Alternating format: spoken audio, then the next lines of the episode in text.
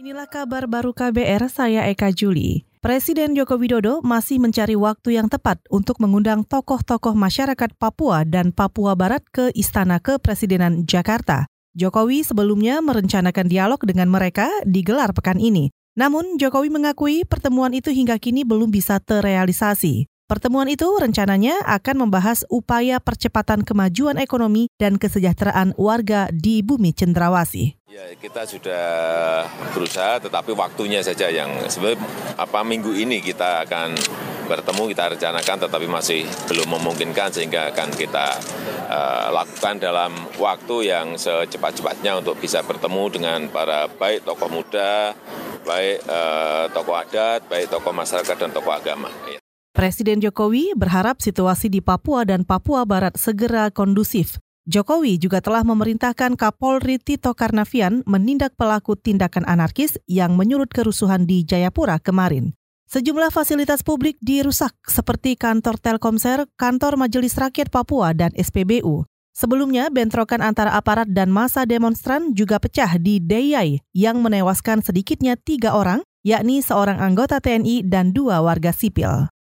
Ombudsman Indonesia mengkritik cara pemerintah menangani kerusuhan di Papua dan Papua Barat. Anggota Ombudsman Ahmad Swaidi mengatakan, pemutusan jaringan internet di Papua merupakan langkah keliru karena bakal memicu kemarahan lebih besar dari warga di sana. Menurutnya, pemerintah terlalu mengedepankan pendekatan keamanan seperti pemutusan akses internet dan penambahan pasukan. Padahal seharusnya pemerintah memilih pendekatan dialog dengan tokoh masyarakat Papua. Jadi kalau menghentikan online itu itu pendekatan keamanan sebenarnya. Jadi sama apa tidak sama tetapi itu sama-sama pendekatan keamanan seperti mengirim mengirim pasukan gitu. Anggota Ombudsman Ahmad Swaidi juga beranggapan pemerintah tidak punya rencana penyelesaian masalah Papua. Reaksi yang muncul dari pemerintah dinilai hanya berdasarkan pendekatan keamanan. Ahmad meminta pemerintah menarik kembali aparat keamanan dari Papua secara bertahap agar pemulihan segera terjadi.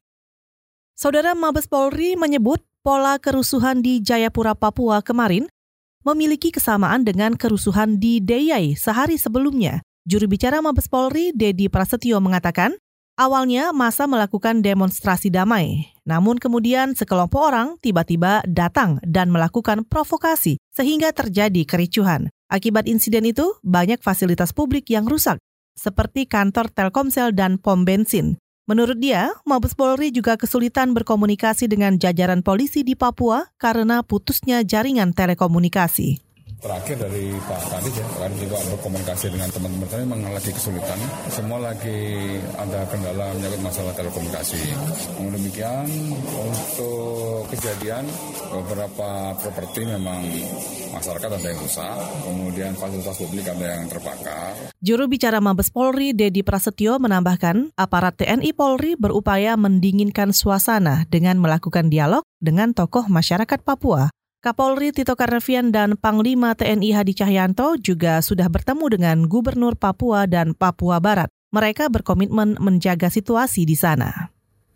Lingkaran Survei Indonesia atau LSI menemukan keterkaitan erat antara tingkat kepuasan terhadap kinerja KPK dengan dukungan terhadap Presiden Joko Widodo. Peneliti senior LSI Burhanuddin Muhtadi mengatakan, mayoritas pendukung Jokowi ingin KPK diperkuat Menurutnya, temuan ini harus mendapat perhatian serius dari Jokowi, salah satunya terkait dengan seleksi calon pimpinan KPK yang tengah berlangsung. Jadi dua institusi ini itu sama-sama mendapatkan trust dan approval yang cukup tinggi di mata pemilih dan pemilih itu umumnya merasa jika mereka puas terhadap KPK, puas juga terhadap komitmen pemerintah dalam memberantas korupsi dan suap, itu cenderung memilih Pak Jokowi dan cenderung puas terhadap kinerja Pak Jokowi sebagai presiden. Peneliti senior LSI Burhanuddin Muhtadi juga mengingatkan, jika salah jika salah langkah dalam memilih kandidat capim KPK, maka legitimasi politik Jokowi bisa merosot.